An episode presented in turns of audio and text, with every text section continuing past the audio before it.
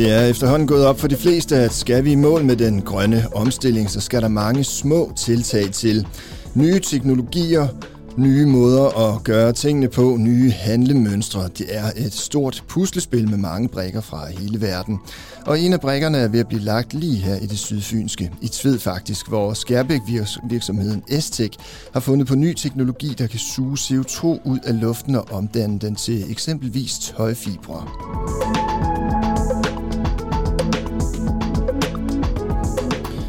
Og hvordan så det, og hvad kan man bruge det til, det kan du blive klogere på lige her. Du lytter nemlig til Fyns Amtsavis Erhvervspodcast Sorte Tal på bundlinjen.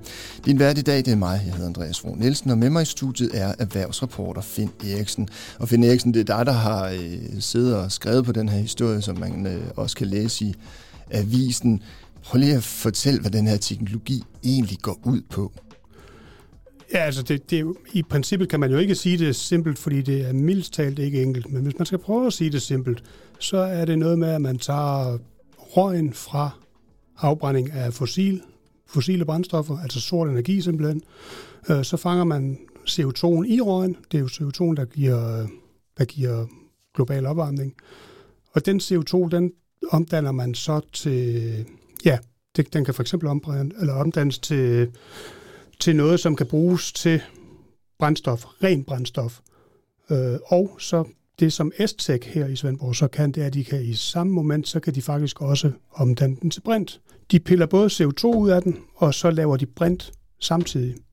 Den CO2, de så piller ud, den kan man fryse ned til 30 grader, og så kan man sætte den under tryk, og så kan man køre den til det produkt, man så har, det kan man hælde på en beholder, og så kan man køre det til et øh, raffinaderi, hvor man kan få lavet brændstof til for eksempel skibe eller fly. Okay, så det er simpelthen en mulighed, og det er det der med, at når man fryser det ned til minus 30 grader, så bliver det flydende, og så er det noget med, at så kan man i virkeligheden også skaffe sig af ved det ved at, at pumpe det ned i undergrunden eller et eller andet Der bliver andet. også arbejdet de at pumpe det 1-2 km ned i undergrunden i Nordsøen, øh, i det, der til den tid vil være de forladte bordplatforme. Der står alt udstyr, så der kan man sådan set bare, i stedet for at suge noget op, så kan man pumpe noget ned i stedet. Men det, som S-Techno satser meget på, det er, at det her CO2, som de udvinder, det skal bruges, øh, og det skal bruges til ren fuel, som det hedder, til, til fly og til skibe. Fortrinsvis, fordi de her fly og skibe kan ikke, altså vi snakker meget om at elektrificere, men der findes ikke en teknologi, som gør, at du kan give øh, skibe og fly batterier. Det er simpelthen for tungt og ikke, og ikke langt rækkende nok. Så derfor er de nødt til at have noget, de kan brænde af, som er rent. Og det er det, som blandt andre S-Tech kan lave. Men det lyder jo helt vildt, øh, og måske lidt som et drømmescenarie, det her med, at man kan suge CO2 øh, ud af luften, ikke også? Altså, ja, det er så ikke ud af luften, det er så ud af den røg, ja, som, det er, som kommer fra. Ja, ja det er med ja. på, men, men, men, men stadigvæk, at du kan reducere den her øh, trælse CO2, som vi ikke vil have ud i atmosfæren, ved at, at, at, at bruge de her teknologier, som de har opfundet lige ud tved, eller som de i hvert fald har fået til at fungere, sådan så det rent faktisk virker. Hvad er det, perspektiverne er i den, øh, i, i den her teknologi, hvis man spørger øh, Estec, som er virksomheden bag? De er helt vilde. Altså det her, det bliver en trilliard forretning. Fordi det, der sker tidligere, var for eksempel rædderier, de var mere eller mindre ligeglade med CO2. For dem handlede det om at, at, at sejle billigst muligt. Nu er deres udfordring, at nu er der så meget fokus på det, så de bliver også målt på det. Så nu er de begyndt at interessere sig for at sejle rent. Øh, og det er sådan set den nye, den nye bevægelse, der er i gang her. Og, de ser, og de ser altså på, på Estec, de ser et kæmpe marked her. Altså helt enormt marked.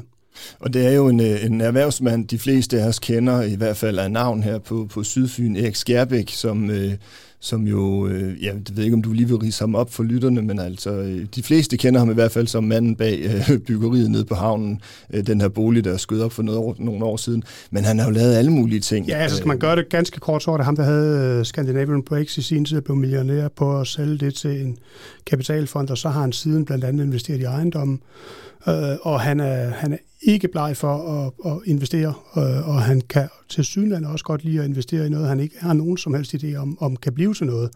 Uh, han har blandt andet investeret i det, der hedder et, et firma, der hedder PureTech, som udviklede nogle såkaldte scrubber til skib, som fanger svovl, og det var der stort fokus på en, en overgang, som renser brændstof fra de skibe, som sejler på det, der hedder heavy fuel, som er den billige fuel.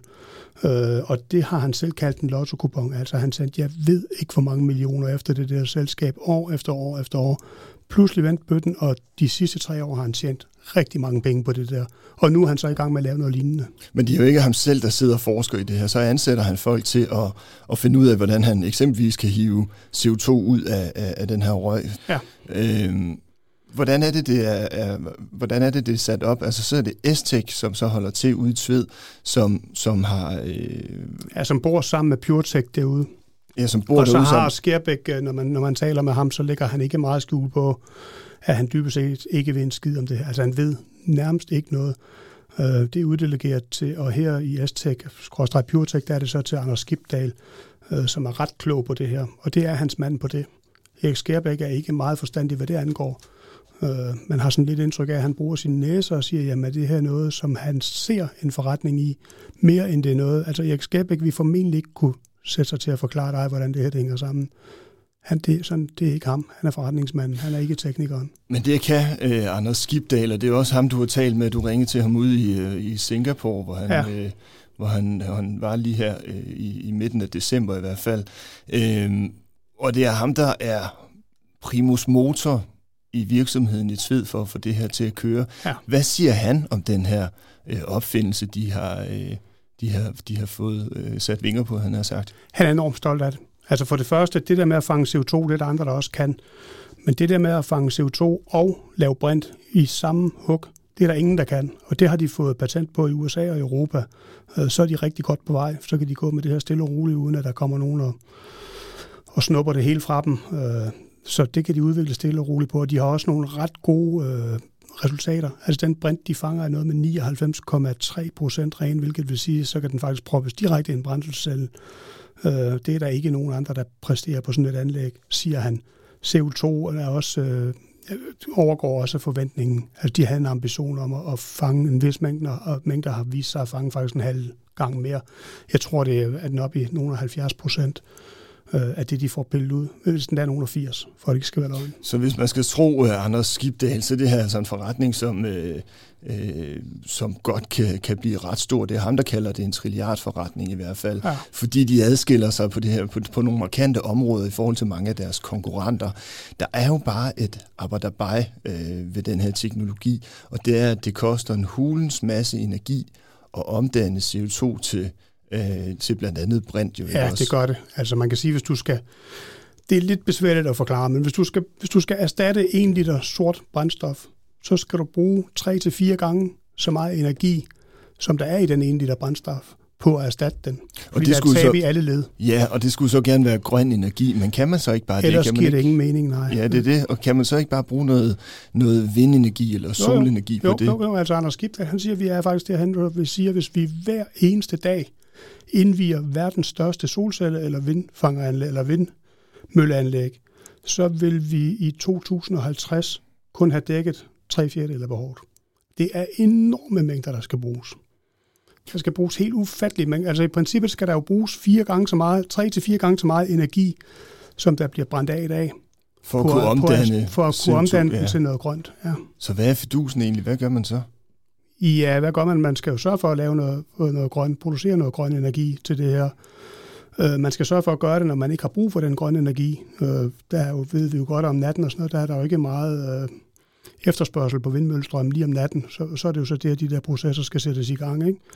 Øh, men det er, det er det helt enormt globalt, øh, globalt puslespil, det her, og det er, ja, det er, jo ikke, det er jo ikke noget, som vi her i Svendborg, eller nogen her i Svendborg kan sidde og fikse det er globalt, og, og som Anders Skibdal ser det, så er der jo ikke nogen vej. Altså jeg spurgte ham faktisk, hvis du så forestiller dig, at vi plaster hele Atlanterhavet ind i vindmøller, er vi så ikke ved at være i hus? Nej, det er vi ikke. Vi har stadig ikke nok, siger han. Så, så, så hvad skal der så til med atomkraft? Med, med han, siger atomkraft. atomkraft ja. ja. Hvorfor det? Jamen, det, er, det er den eneste vej frem. Altså, det, han, han ser ikke for sig. Altså, det, er jo ikke noget, det er jo ikke noget, de skal ind i, uh, S-Tech eller PureTech eller noget. Han ser bare, som, som ekspert ser han ikke for sig, at man kan skabe det og skaffe den her grønne energi uden atomkraft. Men det er jo bare en holdning, kan man sige.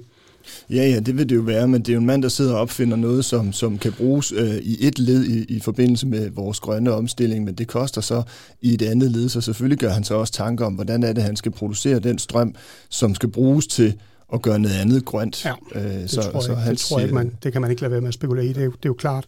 Øh, nu, har de, nu stiller de snart, de regner med at være klar i 23-24 stykker øh, til at sælge de første anlæg her. Og hvem, hvem, hvem skal de sælge de anlæg til? Jamen det er dem, som det ikke, som han selv formulerer det, så er det ikke til de helt store skorsten, men dem, der ligger lige under. Det kan være sådan nogle som Arla, det kan være Rynkeby, øh, fordi de har en teknologi her, som gør, at man i princippet siger, at du skal bare have en stikkontakt. Så kan, du, så kan du få det her op at køre. Det koster til gengæld, så koster det også en del penge, sådan et anlæg. Ikke jeg ved, hvad det koster, men, men, men det bliver uden tvivl dyrt. Men det bliver dem lige under de helt store, som Aalborg Portland og sådan nogle, som er de helt store grisebasser, hvis man kan sige det på den måde. Men der ved vi jo også, at alle virksomheder, øh, når de, når de øh, kigger på deres egen udvikling, så kigger de jo også på, hvor meget CO2 udleder vi, hvor meget kan vi skære i år, hvor meget kan vi skære øh, i vores CO2-udledning øh, de næste år. Du nævner selv Arla. Hvis du læser på bagsiden af en mælkekarton, så er det nærmest noget af det eneste, der står noget om, det er, ja. hvor lidt CO2 man egentlig udleder. Så det er jo ikke uvæsentligt for Nej. en virksomhed som Arla, at man så kunne reducere endnu mere i sin øh, CO2-udledning. Det, det, det er vel også det, der er en del af tanken her, at det er blevet en salgsvare, altså, øh, og det er jo sådan noget, som kan være med til at skubbe med på det. Det ændrer bare ikke på, at vi har en helt enorm udfordring med at skabe al den energi, som skal til at erstatte det beskidte øh, brændstof. Fordi man kan ikke batterificere, hvis man kan sige det på den måde, skibe og, og skibstrafik og, og lufttrafik. Det, det kan simpelthen ikke lade sig gøre i dag. Så de skal have noget, som de kan flyve på og sejle på, som er rent. Og det er så det, som øh, man arbejder på ude på Estek med en øh, finansmand bagved, Erik Skærbæk, som, øh, som åbenbart også øh, ser en, en rimelig stor forretning i det fjerne med den her teknologi. Det gør han, altså hans øh, direktør Anders Skibdal siger, at jeg tror, Erik, siger man, han kalder ham bare Erik, ikke? jeg tror, Erik får et rigtig stort smil på en dag, siger han. Tusind tak, fordi du gad os at gøre os klogere på den her lidt øh, tekniske historie, men øh, det er helt sikkert noget, som vi kommer til at holde øje med her på Fyns Samme, så viser, hvordan det går ud hos øh, Estek. Tak for det. Du er velkommen.